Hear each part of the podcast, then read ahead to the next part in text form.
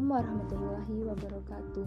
Saya Regita Cahyani, salah satu mahasiswi UIN Suskaryo, Prodi Peternakan dengan nomor induk mahasiswa 12080120865.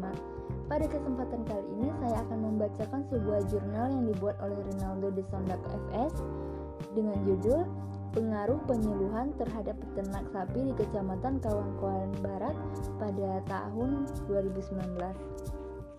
Pola peternakan di Indonesia sebagian besar masih merupakan usaha peternakan yang berskala kecil atau usaha peternakan rakyat dan masih banyak kekurangan dan kegagalan dalam menjalankan usaha peternakan. Menurut Anwar 2013, untuk meningkatkan kompetensi banyak upaya yang dapat dilakukan di antaranya melalui peningkatan pendidikan, pelatihan, diskusi antar penyuluh, penyediaan sarana dan prasarana penyuluhan yang diasumsikan memiliki pengaruh yang signifikan terhadap peningkatan kompetensi penyuluh pertanian.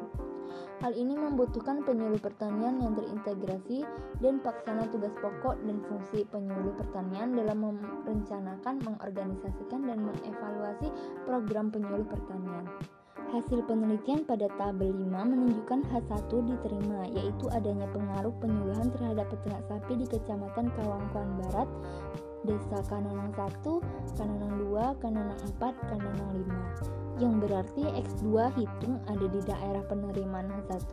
Hal ini menunjukkan bahwa pengaruh penyuluhan dalam merubah perilaku peternak sapi berhasil. Hasil penelitian ini sesuai dengan VAR 2014 yang, dinyat, yang menyatakan bahwa sebagai sistem pendidikan non formal, Penyuluh pertanian merupakan suatu usaha untuk menimbulkan perubahan perilaku peternak sapi seperti perubahan pengetahuan, keterampilan teknis yang lebih baik serta perubahan sikap atau sifat untuk lebih produktif sehingga para peternak sapi dapat merubah perilaku peternak dalam meningkatkan usaha ternak sapi dan cara berusaha agar lebih menguntungkan. Terima kasih, sekian dari saya. Maaf apabila ada kesalahan.